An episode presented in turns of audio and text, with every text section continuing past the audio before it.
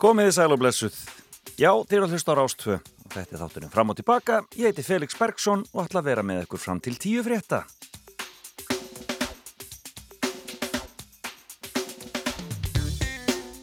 Já, það er dásanlegt að vakna á svona góðum já, vetrarmorni, ef ekki bara segja það já, eða haustmorni og uh, koma í vinnuna en uh, það eru, veður eru válind um helgina og þeir segja að það verði alveg vittlust veður hjá okkur á landinu á morgun. Þannig að hvað sem eruð fariði varlega og fylgist þið verð með veðurfréttum og ekkert vera á ferðinni á morgun. Bara, ég held að það sé bara það sem við ættum að ákveða hér og nú.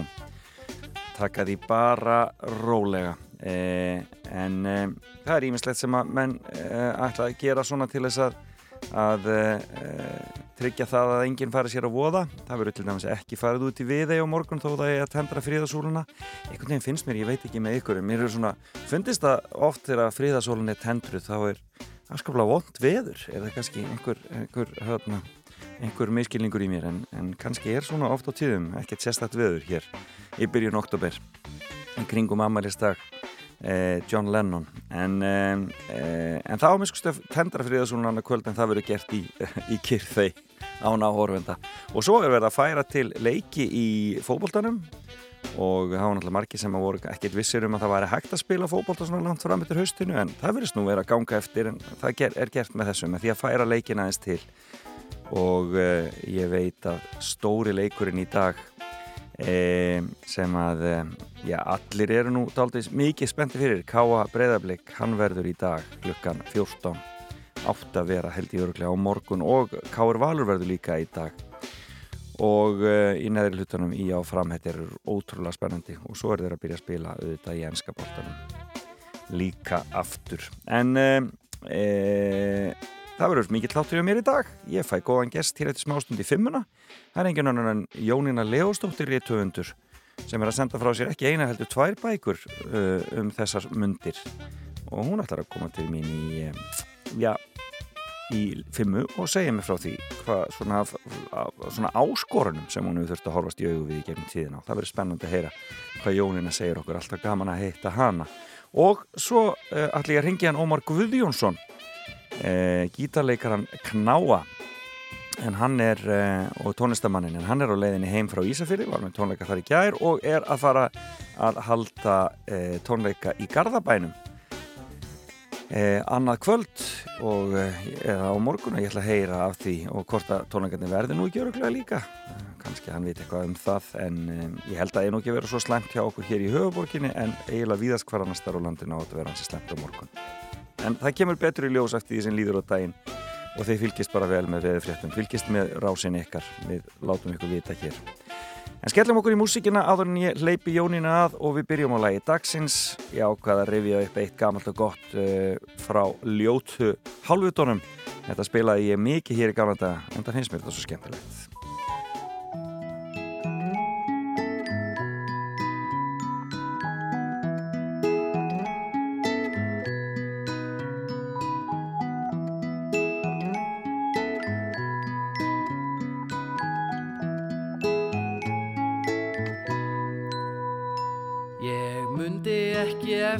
henni mömmu svona kátri. Mér leist ekkert á það þegar inn í búr hún gekk. Hérna færðu litli kútur, haug af súru slátri. Því heillin mín í dag þú átt að byrja í fyrsta bekk. Því heillin mín í dag þú átt að byrja í fyrsta bekk. Ég kunni ekki plús og mínus, kunni ekki að stafa. Kunni ekki litina og bendi mömm á það. Líklega þá vilja börnin lítið með mig hafa Og lemja mig í klessu eða takk í nasa bað. Og lemja mig í klessu eða takk í nasa bað. Mamma tók þetta ekki gilt og mig í bílinn leiti Marg oft sagðist ekki nenn að hlusta á þetta suð. Voða sætur sagði hún og vandlega mér greiti Og vandræði þú leysir með að hlusta bara á Guð. Og vandræði þú leysir með að hlusta bara á Guð.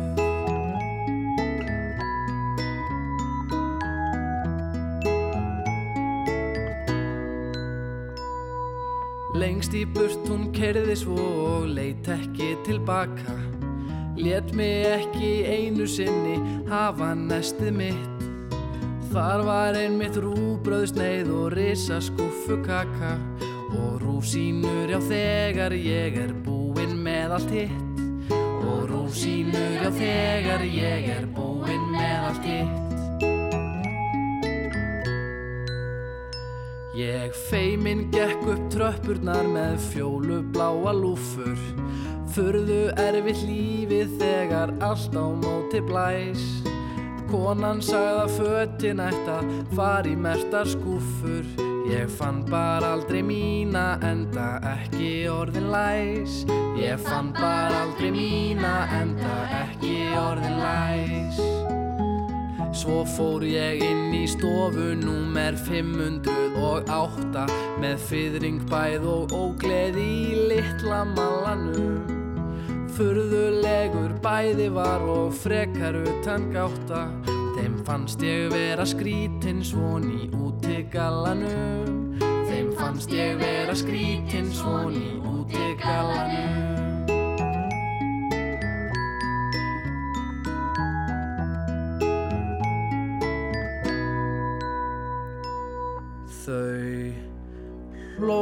hlóað mér og allt í einu hafði ég víst pissað.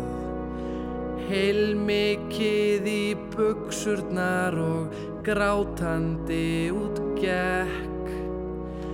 Mamma sko ég sagði þér að vel ég og sköp vissað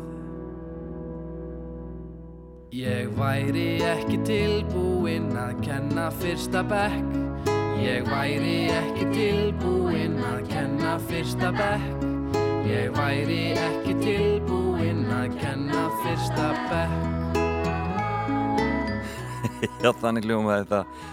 Þetta var auðvitað stóri dagurinn með ljótu hálfitónum og þetta var fyrsta lagdagsins hér hjá okkur í fram og tilbaka. Fá meitlaði viðbót og svo hleypu við Jónínu Leósdóttur að hún ætlar að sittast hjá mér hér og fara í fimmuna. Fáum Freyri Gómar og svo förum við Jónínu að rappa. Ég elska þig mest á morgnana Þegar vaknar dagun nýr Þá þakka ég fyrir þig og mig Er þitt andlit að mér snýr hvað í höndum svo er Vaknar með deginum.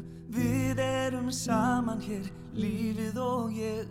Líkt og sólinn er heit Brennur á huga mér. Ás mín á lífinu Ás mín á þér. Því ég elska þig mest á morgnana Ég elska þig heitt á morgnana Þegar opnast veröld ný. Þá speikla ég bæði þig og mig Mínu andlit að þér snýr. Hvað í væntum svo er Vaknar með deginum Við erum saman hér Lífið og ég. Líkt og sólinn er heit Brennur á huga mér. Ás mín á lífin og þér. Því ég elska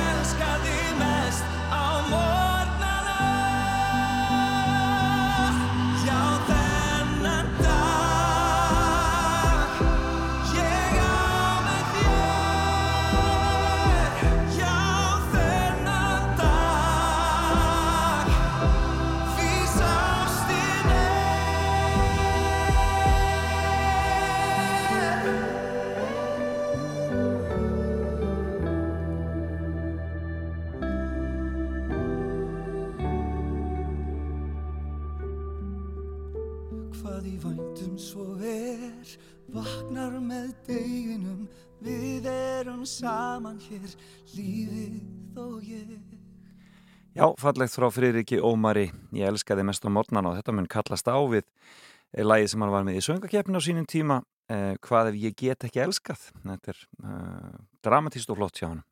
En gestur dagsins er komin til mín, Jónina Leóstóttir, hjertanlega velkomin. Takk fyrir.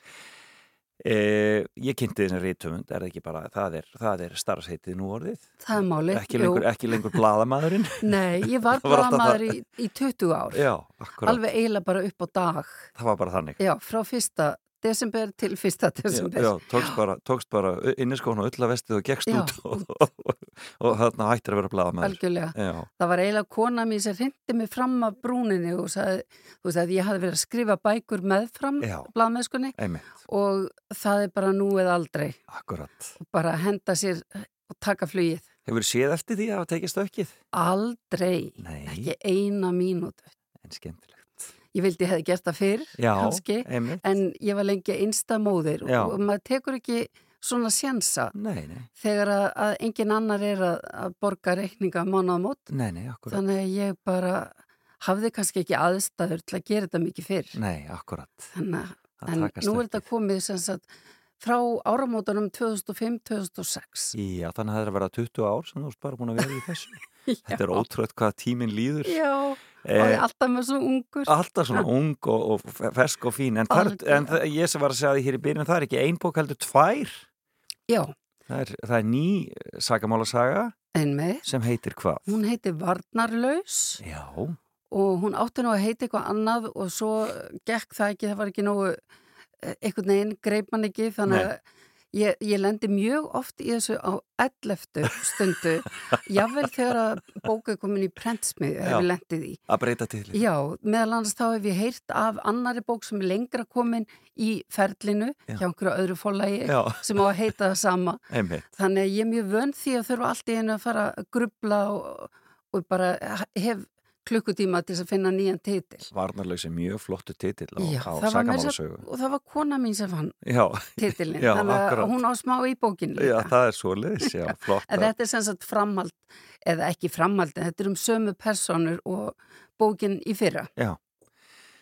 Kraftur í þér og svo er að koma þýðing á bókinni frá í fyrra. Já, ég er mjög spennt fyrir því það er fyrsta bókin eftir mig sem er þýtt á ennsku Já, hún kemur út í Bretlandi núna bara á næstunni. Það, hún kemur fyrst út sem rafbók á Amazon og svo eh, er, verður prentútgáfa í, í nóvumber. Og ferðarfylgin eitthvað eftir? Já, ég er með magapinn út af því.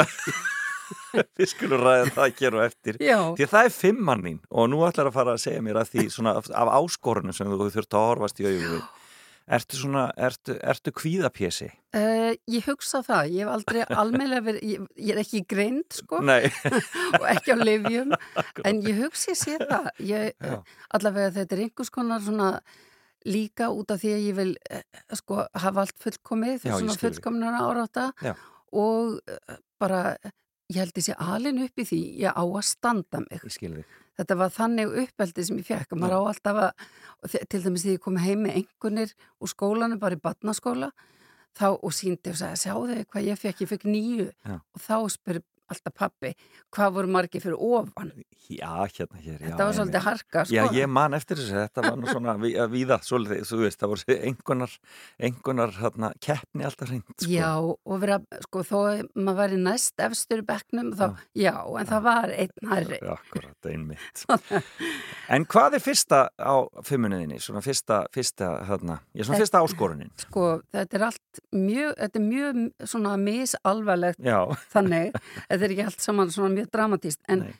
að halda ræðu, það er bara ekki ég. akkurat. En ég hef þurft að gera það nokkur sinnum. Já, Alveg frá fyrsta, eh, ég lendi út af þessari djúbulegu 1983 þegar ég lendi óvart í frambóði, Einmitt. svona eh, bara eh, með mjög litlum fyrirvara, fyrir bandalega jafnaðamanna að því að, að hérna, það var að loka frestur að skila en listum Já, og ég var eiginlega grátbeðin um að, hérna, að fara á lista og ég gerði það með þessu skilirði að ég þyrsti ekki að gera neitt um að lána nafni mitt, ég Já. myndi ekki koma neinstæðar fram, gera neitt, skrifa neitt, tala neitt og það var sveikið á fyrsta að degi nema hvað, já, já. og eh, við sem vorum þarna á fremstu, í fremstu sætunum, okkur var skipt upp og við vorum sendt til dæmis á svo kallar vinnustafafundi sem voru mjög í tísku þá Já. sem hlýtur að hafa verið óþólandi fyrir fólk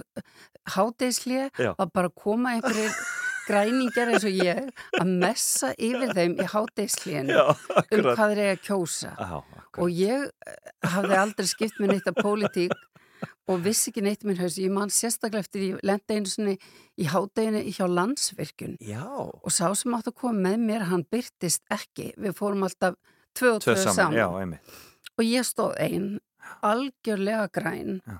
bara í kringum þrítugt og vissi, þú veist, ég var bókmænta bjösi og vissi ekkert um það sem þetta fólk er að vinna við. Nei, akkurat. og ég þurfti að taka spurningar og messa yfir um hversu, hvað væri svona frábært að kjósa bandalægjafna manna Já. þetta, Varstu komin út í virkjanir og það allt saman hann? sko, þetta er blackout ef ég fæ að sleppa. Ég man bara ekkert frá því ég fór inn og þá vil ég koma út aftur. En hvernig, en hvernig, já, bara skrifaður þá niður í rauninni ræðurnar bara alveg? Nei. þegar, þú þarft að halda ræðu, skrifaður það þá alveg niður? Sko þá finnst mér það ekkert mál. Nei. ef ég má skrifa og standa með blað Já, þá að ég, ég er svo góði að tjá mig ef ég bara heim í tölvunni og skrifa. Akkurat. En að standa fyrir framann fólk og stundum bara á ekki við að vera með blað Nei, stundum er bara betra að vera hérna svolítið eðlilegur og, Blaðlaus, já, tala. akkurat, sko ég ekki talað eins og núna við þig það er ekkert mál, bara svona spjall um daginn og veginn Einmitt. en ef þetta á að vera eitthvað svona hugljúft eh, hvað þá djúft Já. og yfir hópa fólki eins og ég núna fara að gera í London Já. eftir halva mánuð þá er útgafu hátíð í, eða svona bóð Já. í sendráðinu í London íslenska og smá ávarp Og Ég er byrjuð þarna- að kvíða því ég, ég sef ekki út af þessu ég er svo heppin sko þetta eru, eru tvær bækur sem er að koma út og er verið að fagna Já. Og Solveig Pálsdóttir Rítvöndur, hún er nú lærið leikona Einmitt. með meiru. Einmitt. Og hún er þarna með mér með bók. Já, og ég efast ekki um að hún heldur upp í heiðri höfundana Já, já, þú, þú verður að segja eitthvað líka. En, ég ég verða, já, en getur ekki bara undirbúið vel? Bara við erum búin að skrifa hana niður og svona eiginlega læra hana eða svoleiðis? Ég bara, ég er svo lélega svona formleg heitum. Af því þarna þarf maður að eitthvað þakka fólki fyrir að koma og Ávarpa segja eitthvað, já nákvæmlega og, og svona segja eitthvað eftirminnilegt og ég bara er ekki típan í svona formlegheit Áhugavert. En þetta, þarna 83 þegar þú fúst í frambóði, hva, í hvaða sæti varstu hjá bandalagi? uh, ég held sveimi þá veitu, það var, Vilmundur var í fyrsta jú, ég var í Þú fjórðarsætti varst í fyrir, og varður þau þá varaþingmaður eða hvað? já, ég? ég fór inn á þingi í tvær vikur. Já, þannig að þú og hefur sitt á opnaði ekki munnin. Nei, af því þar þarf maður að halda ræður. Og þú hjálst, hjálst ekki jómfrúaræðinu. nei, Nei, það var bara allir ég ekki svo eina sem hefur dott inn á þing og Og, og ekki nei. flutt neina ræði Nei, en, ég, ég bara, ég vann í nefndum. Já, akkurat, en, en helst ekki ræði. nei, þannig að þú segir þetta það er djúft á þessu. Já, akkurat, en ég menna, hefur þetta alltaf verið svona? Var þetta alltaf svona þegar þú varst lítið stelpa líka? Það er svolítið fyndið. Vegna þess að ég man eftir mér sem alveg ofbáslega feiminni Já. alltaf út í hotni að lesa bók. En mamma eh, er með ykkur sko hún er nú dáin núna. Já, en hún sagði ég hef alltaf verið með upprætt að henda að bjóða mig fram í allt. Já, og ég veit ekki alveg sko hvor sagan já, er rétt. er rétt, já, akkurat. en ég man það er til dæmis rétt að það var einhver tíman við áttum að í mellaskóla að bjóðast þess að gera eitthvað sko, komum við með eitthvað atriði það var skemmti kvöld eitthvað.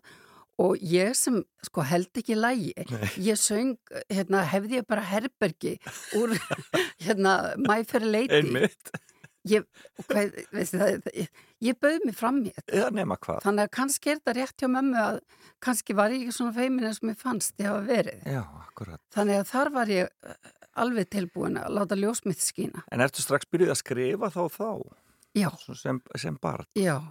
Og ég var til dæmis á þessum árum þetta er náttúrulega svo annar heimur Já. að þá var átti pennavinni. Að, og náttúrulega ekki á netinu því það var ekki komið. Einmitt, og maður skrifaði og setti frímerki og í post og svona. Og beðist og já, síðan, og ég átti uh, pennavinni út um allt. En skemmtilegt. Svo það reynda mjög skrítið hvernig fór fyrir þeim, ég vona að það tengist mér ekki. Að ég fekk svo mörgum mörgum árið því ég voru með fullorðin áratugum eftir, eftir ég skrifast á við Já. þau fekk ég með tveggja daga millibili bref frá einum í Þýskalandi og einni eh, konu í Danmörku. Já, og eh, hérna, þau voru bæði að tilkynna mér að þau væru veik á geði og væru á geðsjökrahúsi bara verið þar meir og minna síðust ári og með, dagar. með tveggjadaga millibili, fólk sem ég þekkti sko, sem þekktist ekki innbyrðis og Nei, akkurat. bara tók upp að skrifa mér En mag- 20 árum eftir að við vorum pennavinnir Já, til þess að tilkynna með þetta Já. þannig að ég veit ekki, veist, þetta var greinlega svo átti ég eitt pennavinn í hérna Afríku Já. og hérna hann skrifa mjög einlegt breyf og sagði því ég hef búin að senda hún mynd Já, maður skiptist á mynd einmitt. þú Nema veist alveg eins og Nina Simone það, Já, það er nú ekki leiðum að líkjast, sko, það er nú ekki Nei. leiðum að líkjast. Það er nú einhver mesta mannréttinda, einhver mesta mannréttinda frömuður síðar í tíma, en ég get ekki sagt þessi mjög Nei. líkar, það er nú ekki að segja það. Eh, hvað er næst á, í, á listanum yfir? Eh, yfir það sem að mér finnst ég ekki geta já, og verða þarft að gera, samt. já. Ég, ég var nú að gera eitt í gerðkvöldi sem að nú eiginlega, ég ætlaði ekki að tala um samt. Já. Ég var, hérna, ég þarf að sprauta mig uh, á fjöru veitna fresti Já. með lifi sem að styrkir ónæmiskerfið. Því ég er svolítið léleg til helsunar Já, og þegar mér var fyrst bent á að nú gæti ég bara gert þetta sjálf, ég hafði alltaf farið upp á landsbítala í þessari sprautur og þá fyrst það sem ég hugsa eins og ofta áður, ég get þetta ekki og svo bara var mér kent hvernig ég geti gert þetta og Já. ég var til dæmis að sprauta mig í gerkvöldi bara ótrúlega gekk vel þegar maður getur svo miklu meira með heldur en er, já, er það svona fyrsta, fyrsta svona viðbræðið er þegar þetta get ég ekki? Eh, stundum, Já, já, það er kannski líka því ég vil gera allt svo ótrúlega vel já, og ég geti ímynda mér að ég geti sprautað eins og fólk sem hefur lært hjúkunarfræði árum, árum saman og Nei. unni við þetta í 20 ára og eitthvað. En hér er ég ennþá, Já, allavega, svo ég getur lifið maður. þetta af. svona getur maður lært þetta. Akkurat, en e, já, það er, það er ímislegt svoleiðis. Eh, en, eh, en, en er heilsan betri þá fyrir vikið? Já, já, Fyrir, þe- við- fyrir þessa þetta, já, ég er mjög heppin, sko, þetta er bara allt annað líf, Já. svo ekki sem meira sagt. En þú varst, þú, þú varst, ég mann þú sagði mér, þú varst óttaslegin yfir COVID, eða COVID var svona eitthvað Já. sem að þarna, gerði þér uh, skráfiðu, út af þessu Einmitt. þá ónæmiskerfismálum. eða hvað. Nákvæmlega, já. Ég bara lokaði mig af. Já, það var bara svoleiðis. Já, Og þannig að ég- þú gast bara verið að skrifa, Já, þurftur ekki að halda neina ræður. nei. þetta var ekki alvon. Nei, akkurat. En það nýttist vel, vel tímina það ekki. Ég bara var rosalega dugleg, jú. Ég skrifaði bara frá mótni, ég gera það reyndar alltaf. Mér finnst svo gaman að vinna, Já, að skrifa, að ég bara byrja að snemma mótnana og er að eins lengi og baki þólir að sitja á stólnum, sko. já, það er bara svoleiðis. Hvað, og hvað, hvað þýðir það? Er það svona 5-6 tímar á dag? Sko, ég tek fullt af hljöfum, ég, ég stend mjög oft upp það er ekki gott að sita svona, meðan ég hafi betra bak, þá gæti ég seti bara frá nýju til sjöum kvöldi, Það er sko. bara svoleiðis, já. þannig að bara með því að fá te reglulega svona eða eitthvað Já.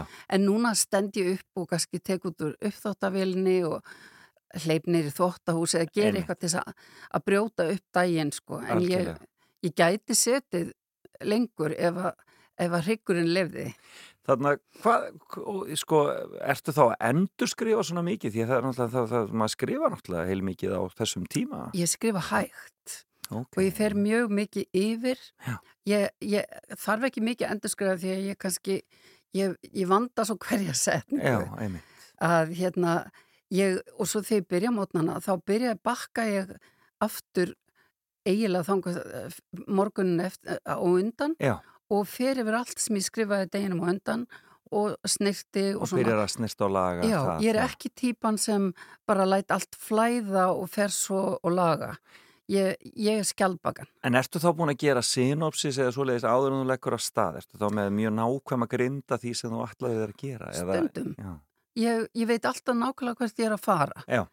Og hérna, þannig að það er ekki, ég er ekki rithöfundur sem sest niður og svo gerist bara eitthvað. nei, akkurat. Ég veit nákvæmlega með hvaða fólk er að vinna hvaða personur Mm og hvert ég ætla með þar -hmm. og, og hvernig þetta mun enda. En leiðin er ekki endilega vörðuð. Og leifur stundu sögunni bara svolítið að taka Já, af því ráðin já, þannig já, að... stundum bara finnst mér jáfnvel eins og einhver standa bak við mig Já, og hjálpi mér og hérna svona passu upp á að ég fari ekki út á sporinu Já, ég, hérna, ég, ég er ekki með neitt sérstakann í huga bara einhver, einhver rödd einhver staðar. það er einhver, já, sem passar upp á mig held ég En skemmtilegt. Og þessi karaktera sem þú ert að skrifa um núna, er, er það, af hverju viltu halda áfram með það? um, Mér langaði svo til að skrifa sko, áhugamál mitt hefur alltaf verið fólk og Já. svona samskipti fólks og um, til þess að, að komast svona næst kjarnanum Mm -hmm. þá langaði mig að skrifa um sálfræðing. Ok. Það því að hann er auðvitað í þessum söm pælingum og ég er að vinna með fólk sem er að glíma við alls konar. Já. Uh, vandamál, samskipti eða einhverja fóbjur að guðum að vita hvað. Já. Og með því að ég er með þess að aðalpersonu sem er sálfræðingur og hann á fyrirverandi eiginkonu sem er lögga og þau vinna saman að því að leysa mál og koma frá mjög ólíkum áttum. Já, hún er svona harðatýpan og svo köllu jarðýta svona af tengdafóreldrar hann fyrirverandi en hann er breti óskaplega penn og prúður og svona enskur sentilmaður og pælari. Já. þannig að mér finnst bara mjög gaman að, að velta fyrir mér sko ekki glæpum eða, og það renn, rennur ekki mikið blóð. Nei, en þú ert ekki þar. Nei, ég er ekki þar. En ég er meira að pæli hvernig fólki líður, hvernig, þú veist, af hverju það gerir það sem það gerir. Já, akkurat. Skemmtilegt. já, það er svona, Lakka til að lesa. Lakka til að lesa. En þetta eru semst þá launsátur og varnarlaus sem eru þessar já, launsátur verið fyrir á varnarlust núna og það, svo er það launsátur sem er að koma út í, í Breitlandi og þá heitir hún Deceit, Já, sem er eiginlega svik. Þannig að spennandi. útgáfan ræður hvað bókin heitir. Nema sko. hvað, nema hvað. Þannig að það er ekki á minni könnu, sko. Heyrðu, eitt í viðbútt, eina, ein, ein, ein, ein, ein, eitt í viðbútt í fimmuna þína áður en við tökum smá pásu. Já, það, ég hef alltaf til dæmis verið mjög uh, áhyggjuflir því að lenda í uh, þeirri aðstöðu að vera ein viðstödd sem einhver þarf að reyða sér á, reyða sér á þegar að batn er að koma í heiminn eða þegar einhver er að yfirgefa jarlífið. Og þetta var eitthvað sem hefur verið svona í, í, í, í huga þér í gegnum tíðina eða eitthvað? Ég held bara að ég hef séð þetta of oft í, í bíómyndum og sjómanstáttum. Já, Ég horfi til dæmis mikið á bresku þæ- þættina East Enders sem er mikið drama það er mikið verið að, vera einn yfir allskins hlutum þar. Algjörlega, Já. og það, ég hef, ég hef ekki tölu á börnunum sem eru búin að fæðast á klósettum eða innilókuð í liftum eða eitthvað með einhverjum Einmitt. þannig ég, hef- en ég er ekki ennþá búin að lendi þessu en ég lendi því að vera ein með mannesku sem dó. Já, og það var engin annar inn í herbygginu og engin gætt kallaði í. Það var mjög skrítið. Og líka því að það var manneska sem ég þekkti ekki svo mikið. Þetta var reyndar í svona bestu aðstafum, þetta var hjúkunaheimili þetta Já. var hún Ami Engilbers sem kallaði sig dulsbygging sem margir kölluði hana spákonni og hún las í lóa og já, svona. já, akkurat. og ég kynntist henni bara fyrir tilvíðinu ég var send því ég var bladamaður og var send til þess að taka viðtal við hana. Og hún var mjög vö- vör um sig. Hún gaf engum símanúmeri hjá sér Mm. og hún hleyfti engum inn til sín þannig að ég var einhvern veginn, með minni hafi skrifað bref, sett inn um lúuna með númerinu mínu og hún ringdi, það var eitthvað, eitthvað svona system. Og síðan eh, bara náðu við einhvern veginn þannig saman að hún treysti mér. Þannig að hún fór að hafa samband og við hittumst og fengum okkur kaffi. Já. hún bauð mér heim Já, og hérna hún sko var einstæðingur, mikill einstæðingur og, og svona var lokaði sig af og hún fekk mig, sko mamma gerði stundu grínaði, ég gerði hluti heima hjá Ami sem ég gerði og heima hjá sjálfur í mér af því að ég fekk alltaf mömmu einhvern annan til að hengja upp gardínur og svona Já. en ég hengdi upp gardínu fyrir Ami já, og ég affristi ís, ískápin hennar og alls konar svona hluti sem hún var í vandræði með að, og svo uh, fer svona heilsan að bila hjá henni og hún fer á hjúkunaheimili já, og það var eiginlega bara einn maður sem var svona hennar nánasti sem var samt ekki, ekki fjölskylduna eins og hennar vinur og uh, hann sá um, um hana og, og ég kom bara svona á jólunum og kannski af og til yfir árið einmitt. og leit við hjá henni.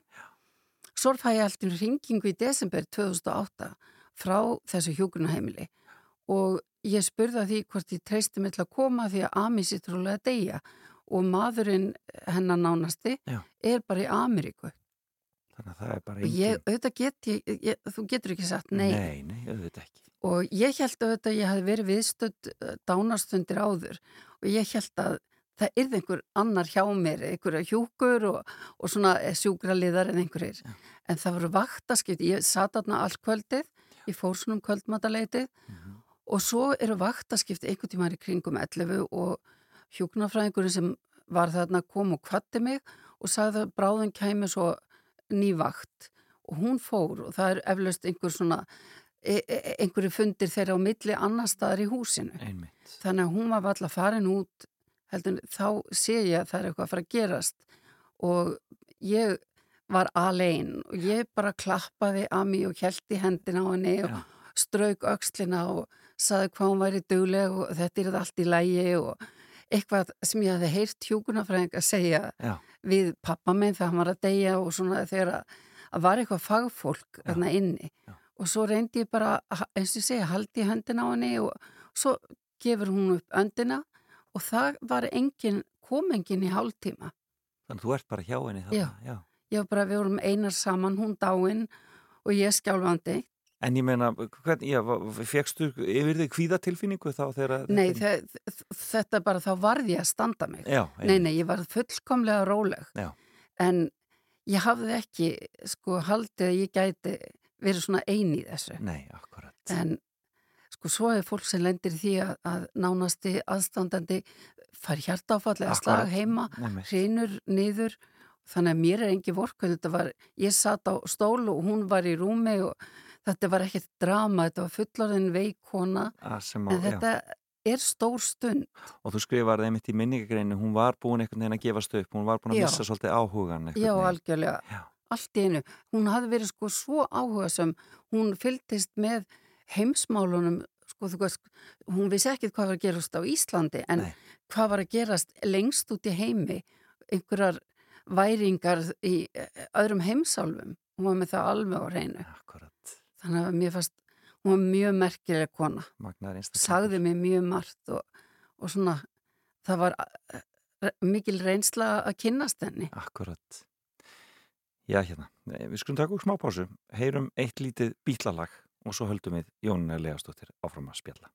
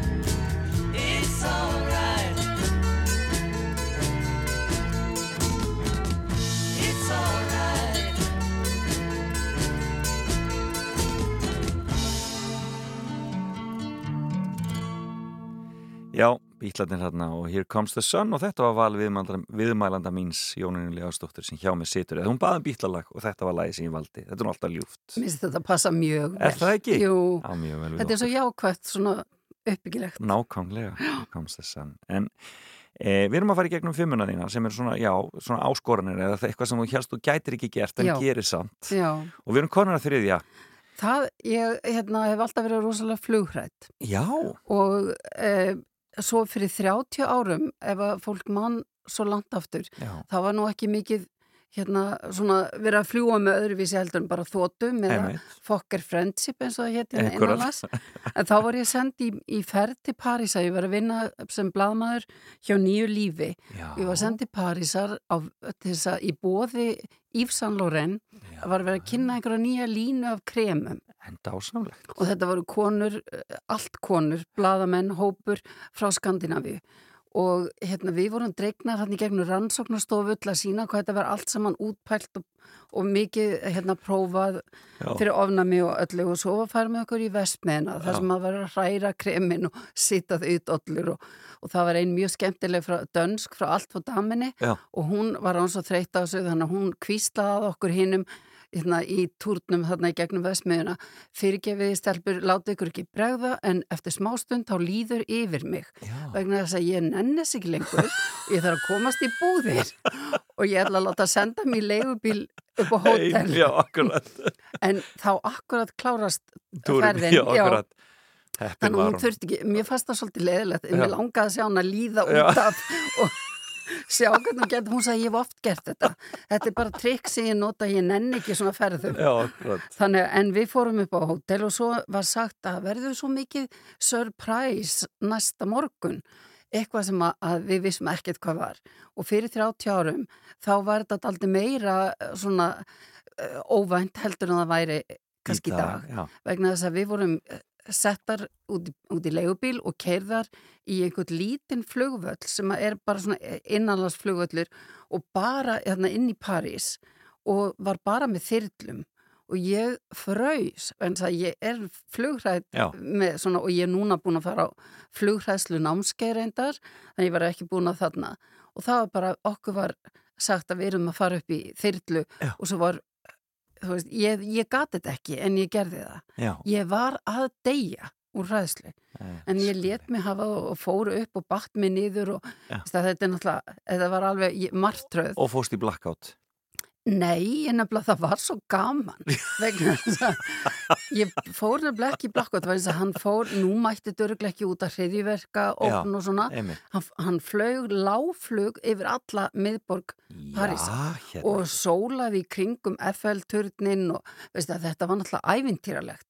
Bara rétt yfir hústökunum þetta, þetta væri öruglega ekki gert sagt í dag. Nei, og svo fór hann aðeins út fyrir bæin og þá kom, tók við mikill skóur og svo lent hann hjá einhverjum herragarði út á túni og þar var veitingastæður og við fengum hátismat og svo ég var mun brattari að Á leiðinni þyrtuna tilbaka. tilbaka.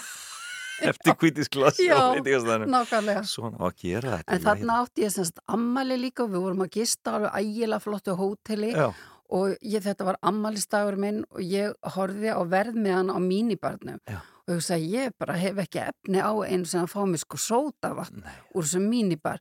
Mér langaði það var svona hálflaska af kampavíni já, og að því átti ammalið þá langaði mér svo ofbáslega í þetta kampavín en ég harkaði að mér en fekk mér sótavatn sem var samt rándýrt. já, Svo næsta morgun þá er ég að tekka út og segja í, í, þarna, í gestamóttökunni og ég tók svo í, þarna, sótavatn úr mínibarni sem ég þarf að borga fyrir það því að, Ífsánlega Sannlórin var að bjóða okkur gistinguna og þá saði maðurinn gestamóttökunni nei, nei, nei, þú hefur getað að klára allan bara en Ífsánlega reyn borgar.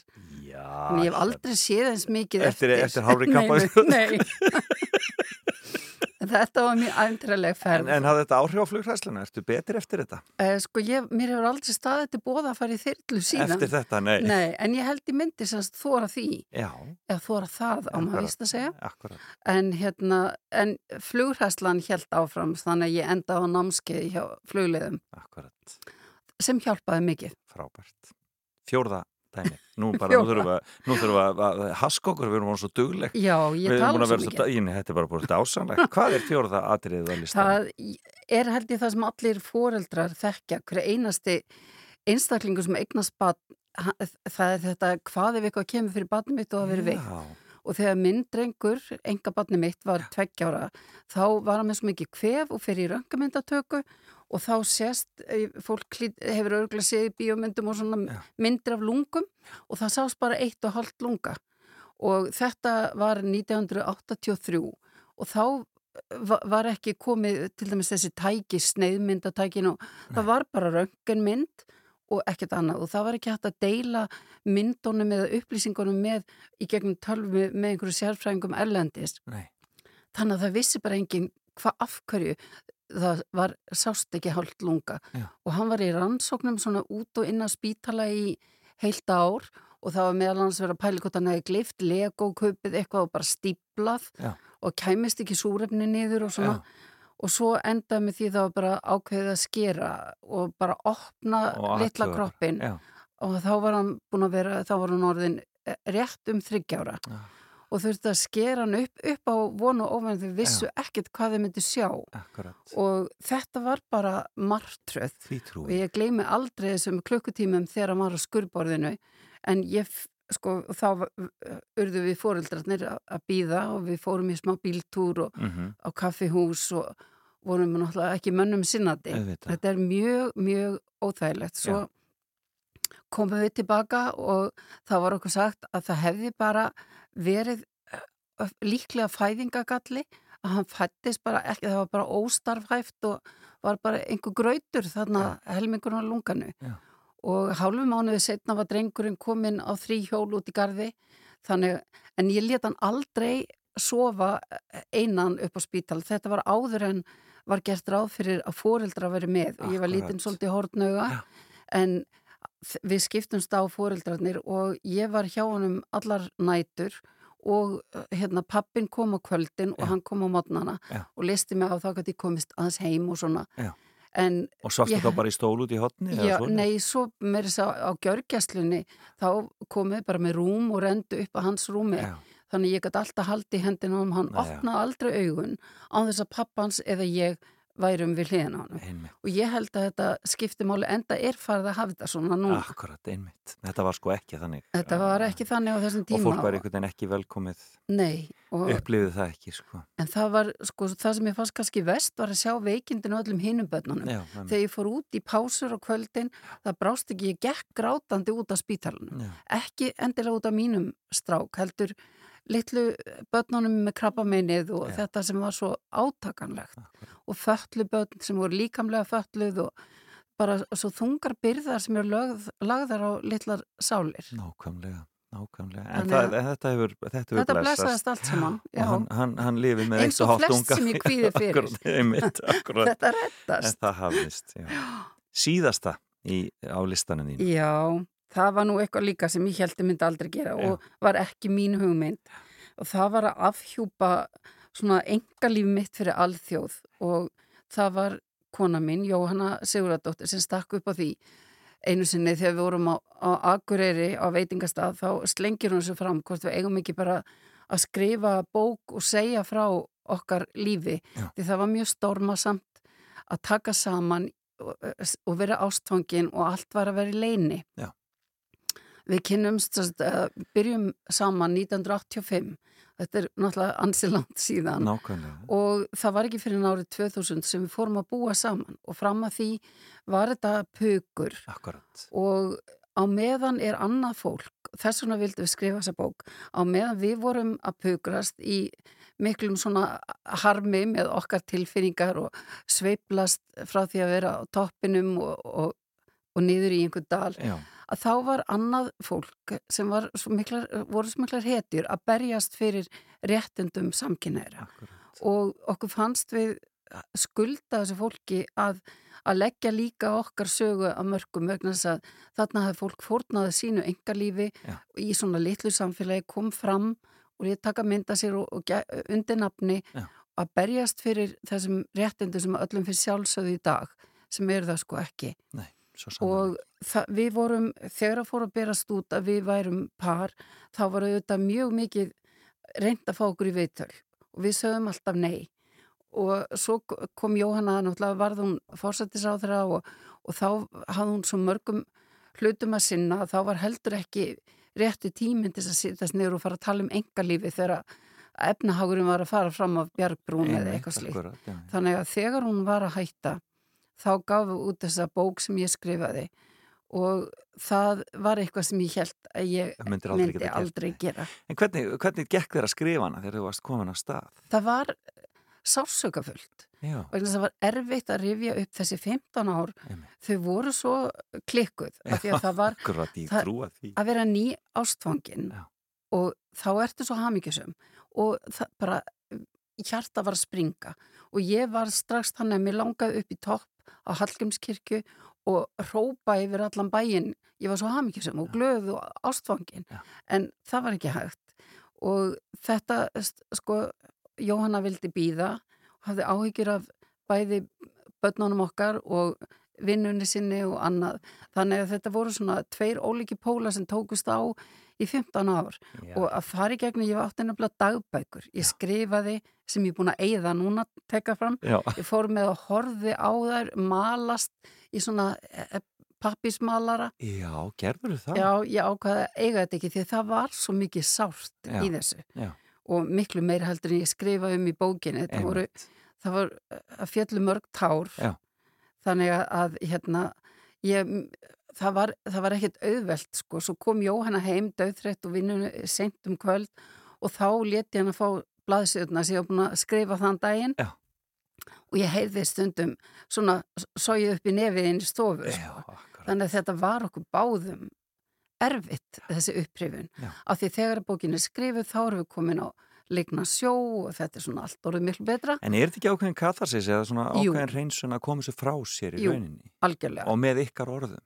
Algjörlega, við, það var nú eiginlega það líka sem bara ítti við mér að ég vissi að ef að ég gerði þetta ekki og með upplýsingar frá fyrstu hendi þá gæti einhver annar gert þetta það, það þarf ekki sérstatt leiði það geta allir skrifað um allt sem þið vilja Nákvæmlega. og það hafði einu svona verið gerð svona einhver úttækt á okkur í DVF minni mig að því að við vildum ekki komið viðtal mm. þá ringdu þeir í vinu og vandamenn Já. og vinnufélaga og alla mögulega og fengu upplýsingar um okkur og sambandið og það var maður svo mikið bull það fólk var, það, ég líka hafði fengið, fengið uppringingu einu sinni frá vinkonu minni sem að sagði akkur var mér ekki bóðið í brúköpi, ég frétti að það hefði verið með 300 manna veistlu og ég var ekki bóðið, það gengur svona alls konar sögur. Já en það gerst það þegar hlutinir er í myrkrinu. Nákvæmlega, þannig. þannig að mér fannst bara mjög gott að geta haft sannleikan þarna frá fyrstu hendi, ekki eitthvað bygg. Því að það, þú veist, það alls konar sögur sem að, að fólk heldur öruglega enn í dag að séu sannar sko. Jónar Leástóttir, tímin er algjörlega flóið frá okkur sem búið að dásan þetta að því í heimsókn. Varnarlaus að koma út bara í næstu viku eða hvað? Hún er komin út. Hún er komin út? Hún býður eftir fólki búðinni. Ó, það er hlaupiðast að þetta. Kæra þakki fyrir að koma og gangið er vel með allt, allt þau æfintýri sem framöndan er og með ræðuna. Takk fyrir spjallið.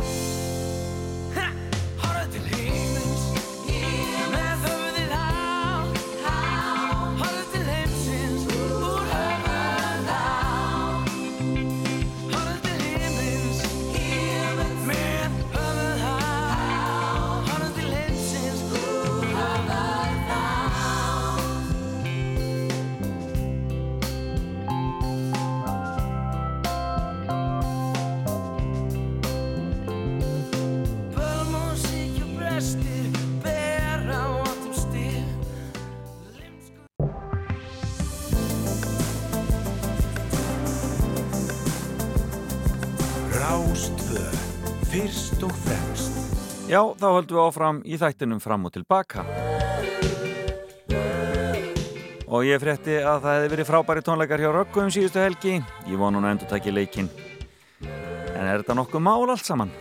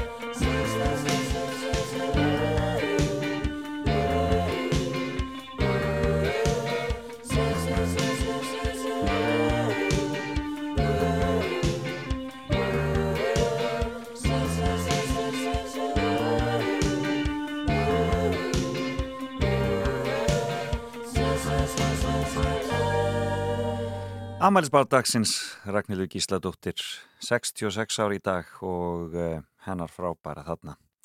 E, e, ekkert mál algjörlega briljant vel gert. Og eins og ég segi það fréttist að tónleikarnir hefði verið dásamleir í hörpu og vonandi e, tekur hún stökkið og endur tekur leikin og svolítið gaman að sjá hverju voru með henni þarna í hljómsveitin hann mátti að sjá Leiló og fleiri flotta listamenn sem voru með henni þarna á sviðinu í hörpunni.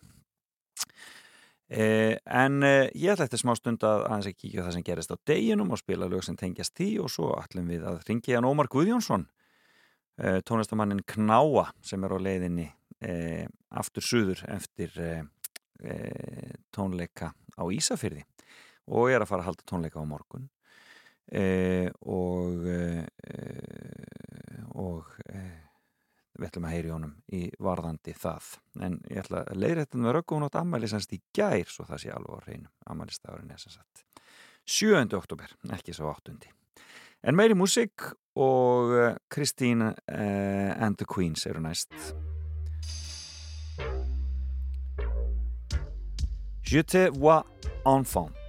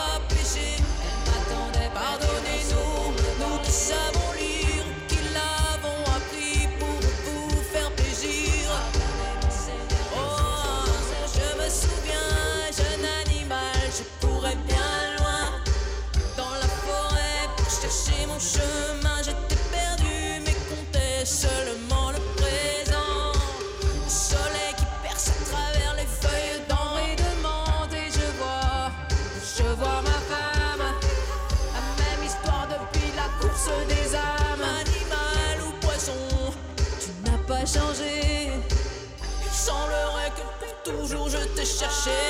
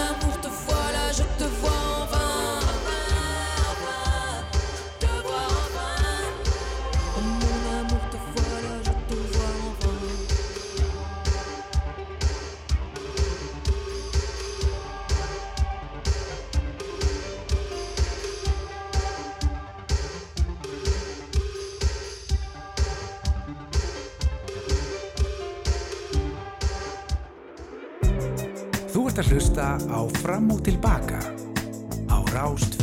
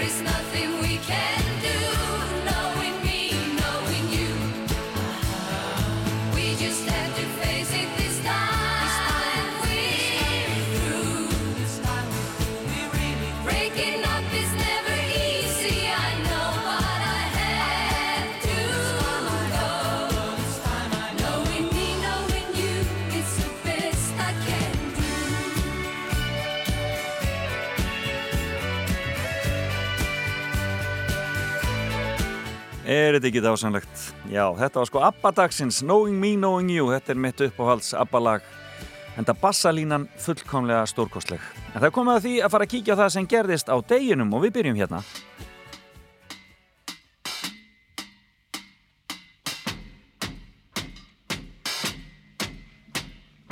I'm just mad about saffron. Saffron's mad about me. Just mad about saffron. She's just mad about me. They call me mellow yellow, quite rightly. They call me mellow yellow, quite rightly. They call me mellow yellow.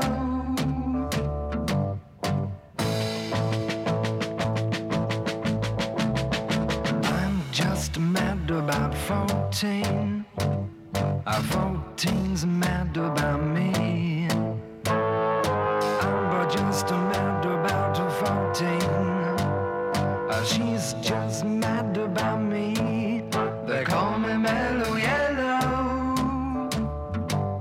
They call me mellow yellow. Quite rightly. They call me mellow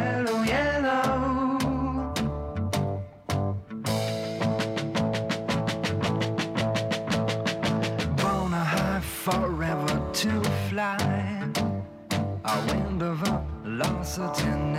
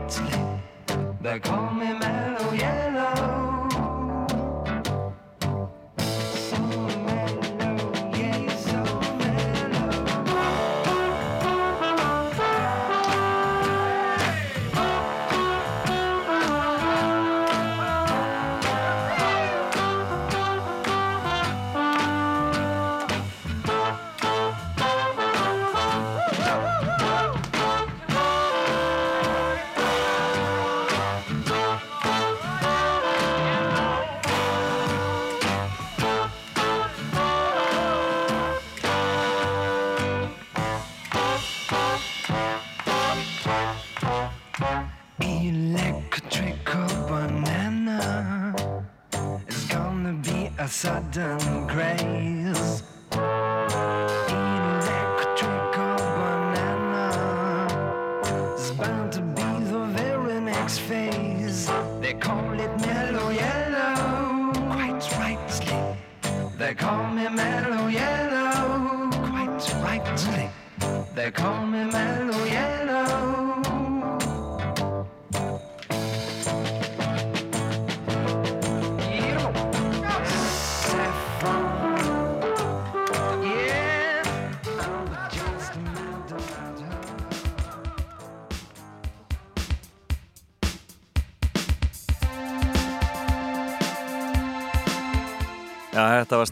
Mellow Yellow, Donovan þarna og ég ástæðin fyrir því ég spila það í tilefni af þessum degi 8. oktober er að það var á þessum degi 8. oktober 1994 sem að Donovan skemmti í þjóðleikuskjallaranum af öllum stöðum.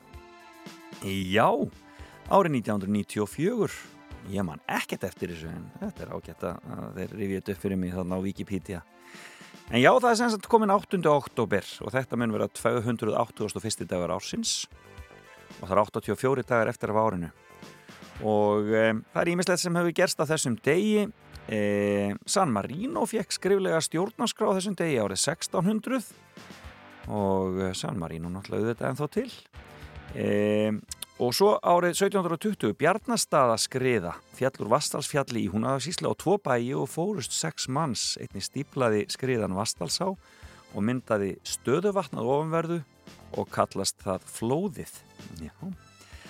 þetta var 1720 svo förum við rúm 100 ár fram í tíman setna ópíumstríðið millir Kínaveldis og nokkra vestarætna ríkja hóst árið 1856 Eh, eh, ógeðslega þessi ópíumstríð og eh, náttúrulega vestræðan ríki voru inn í Kína mjög lengi þangar til þeim var öllum hent út með látum á 20. öldinni Hið Íslenska Fordlega félag var stopnaði Reykjavík 1879 á þessum degi og á 1910 ennskur tógari rændi hreppstjór og síslumanni barstrendinga og fór með þá til Englands. Já, hérna hér. Merkilegt. 1967 Che Guevara handtekinn í Bólivíu og Pítur Justunov kom tveimar árið síðan 69 til Íslands og var viðstættu frumsýning og verki sínu betur má ef duga skal í þjóðleikúsinu. Skemmtilegt. 1982 Pólska ríkistjónin bannaði samstöðu eða Solidarity.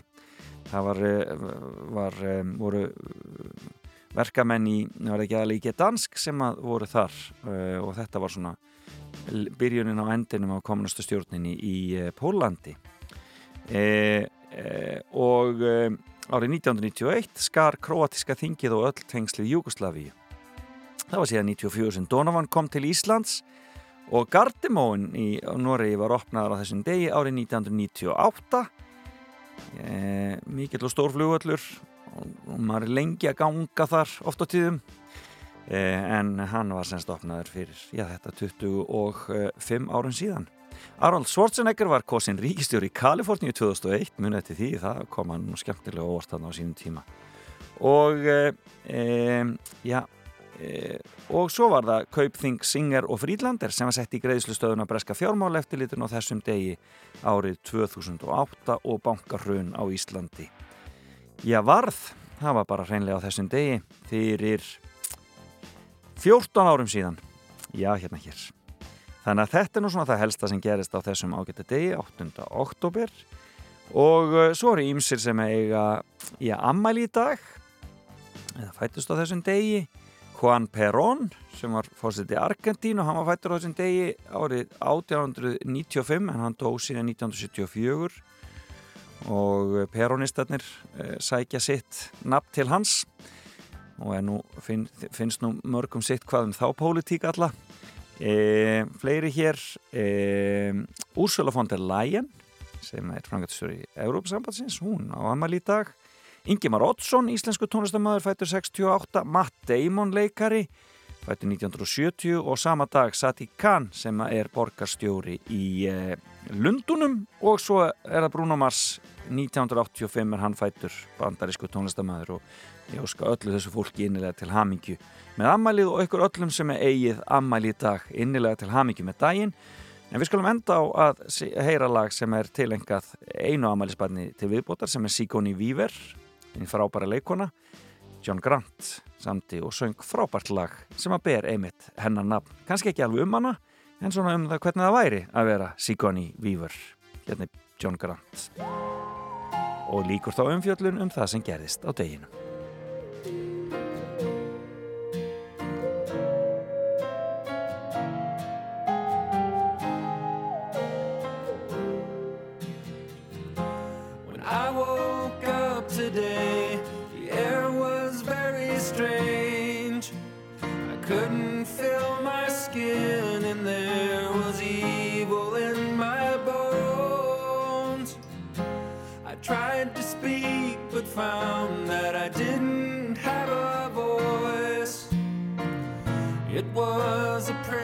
Like the one you would find in the Twilight Zone.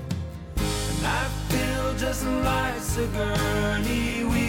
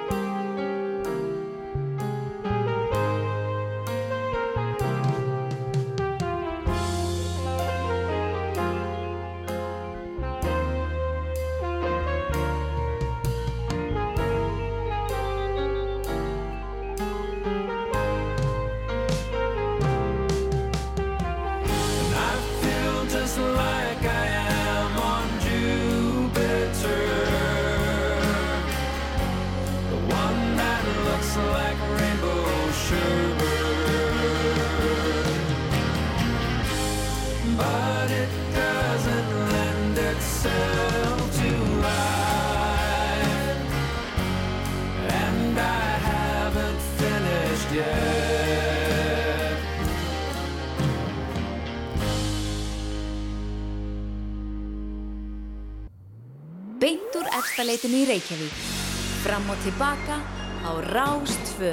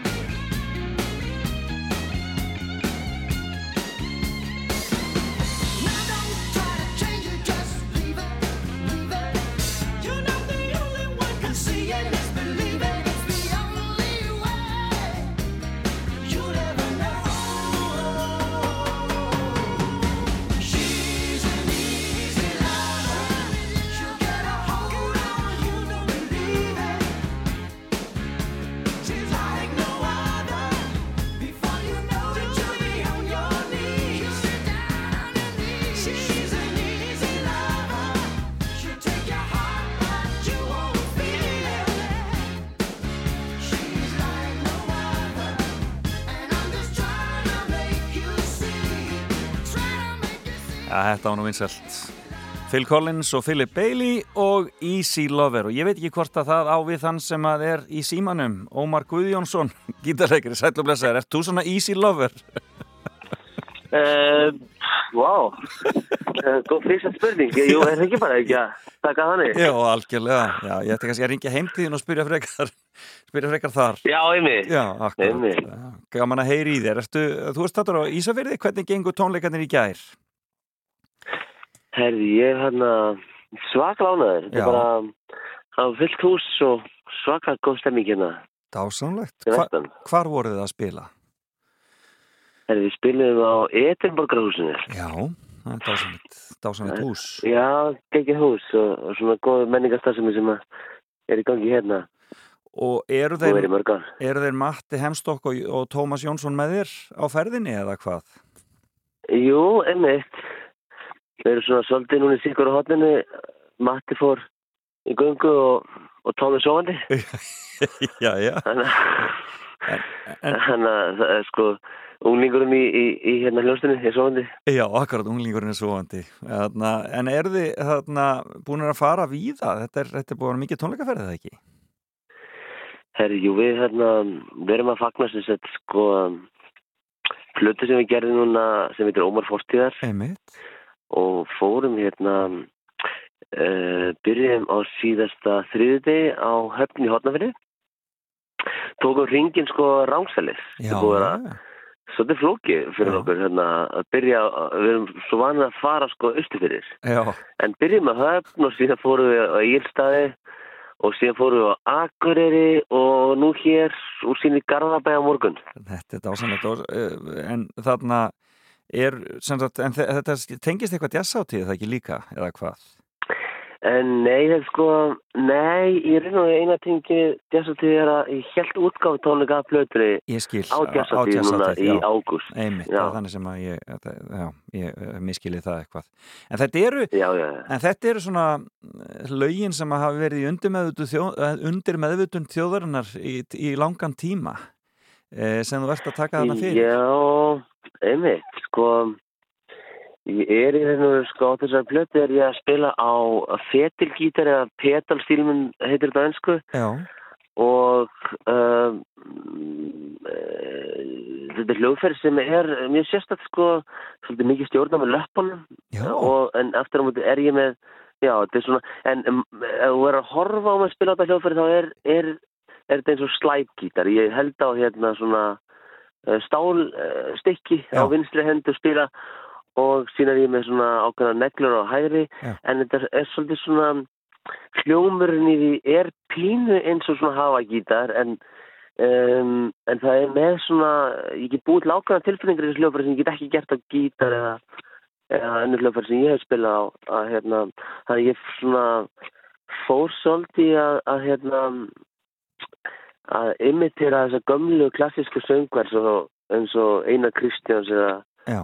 Jakob Hafstein eða Stefán Íslandi svona mikið víbrand á og þannig ég fór í gamla katalangi þeirra sem var svona lög frá 30 til 60 einmitt. um, og svona, já, Bjarnar Þorsteins, uh, Átna Þorsteins og uh, svona þessi gömlu lög.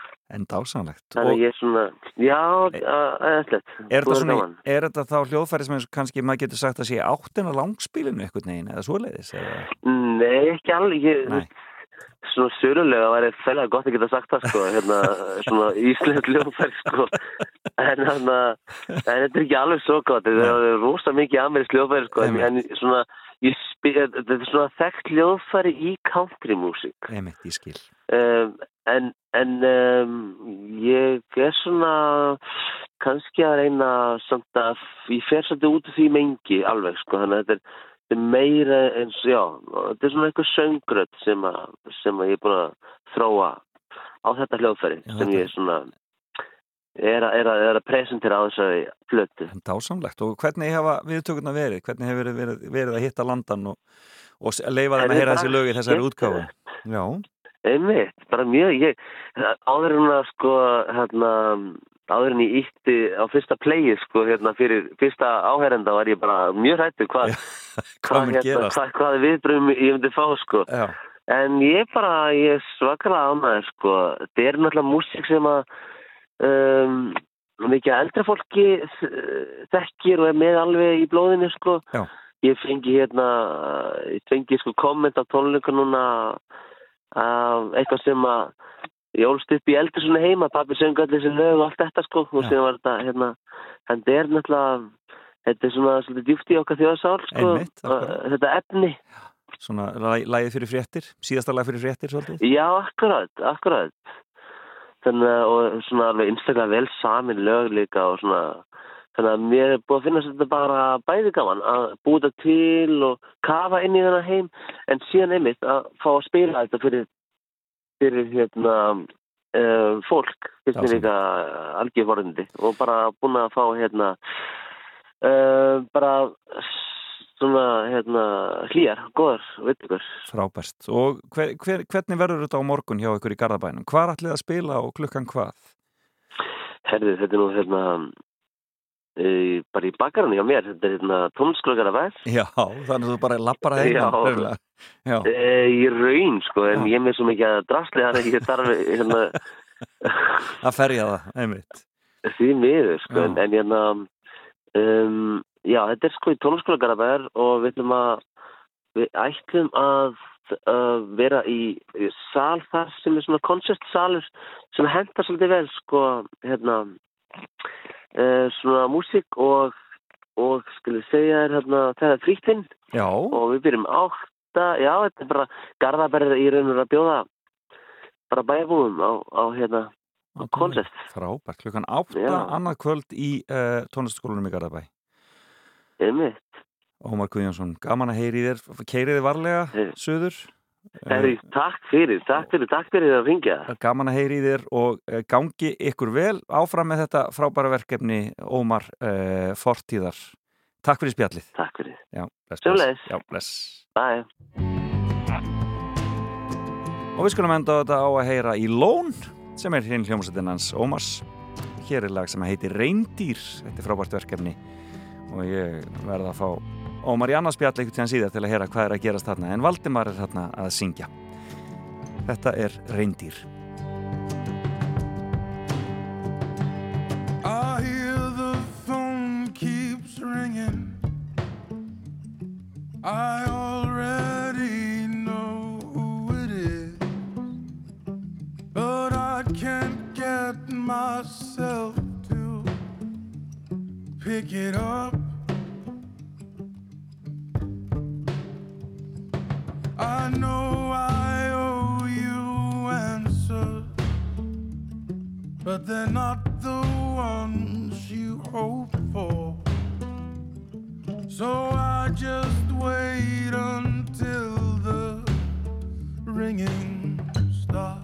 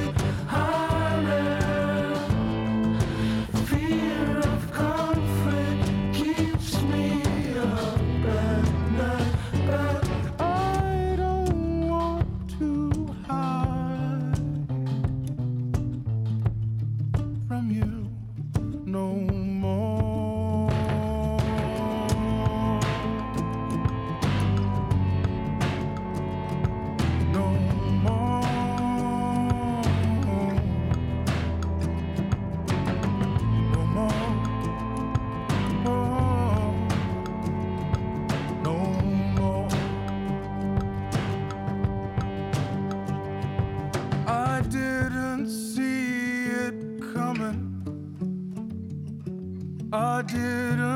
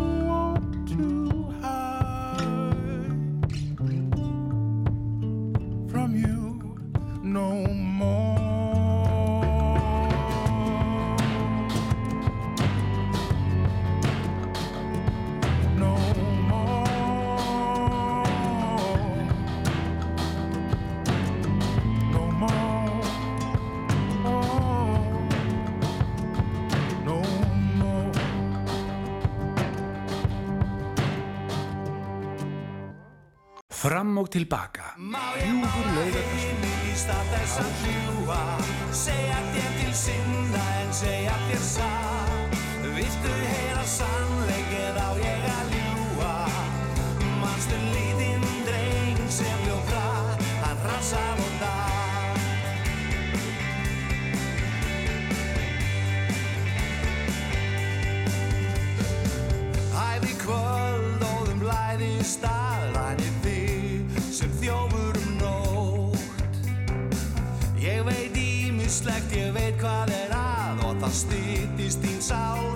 Verði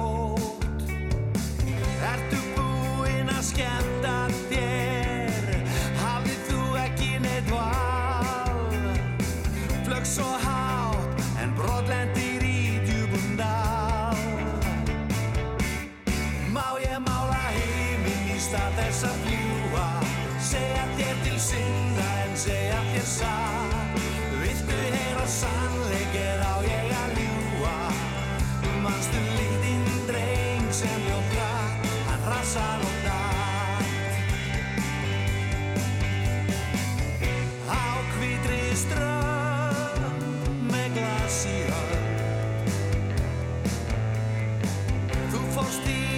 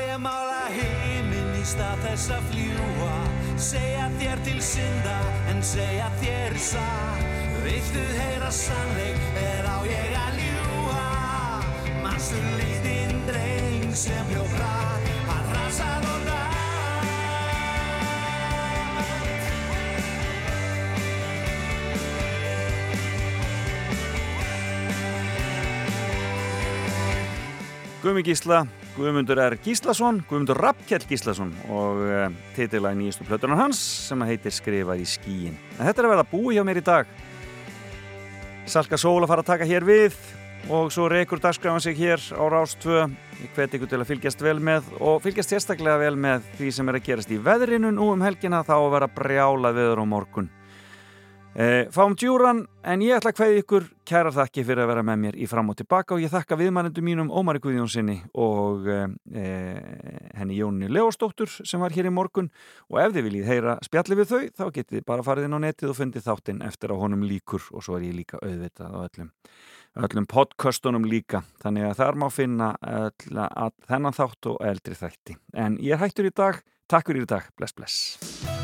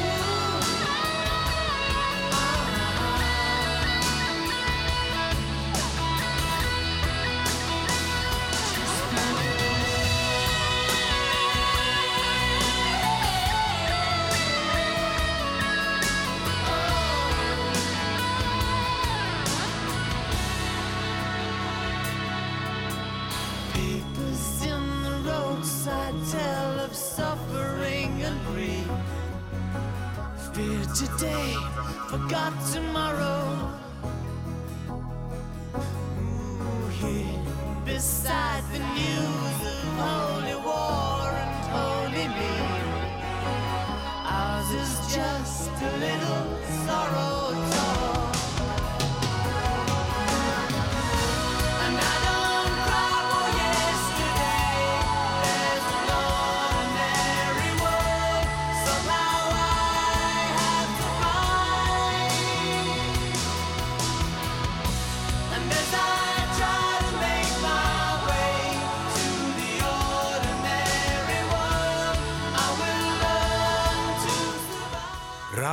2. Fyrst og fremst.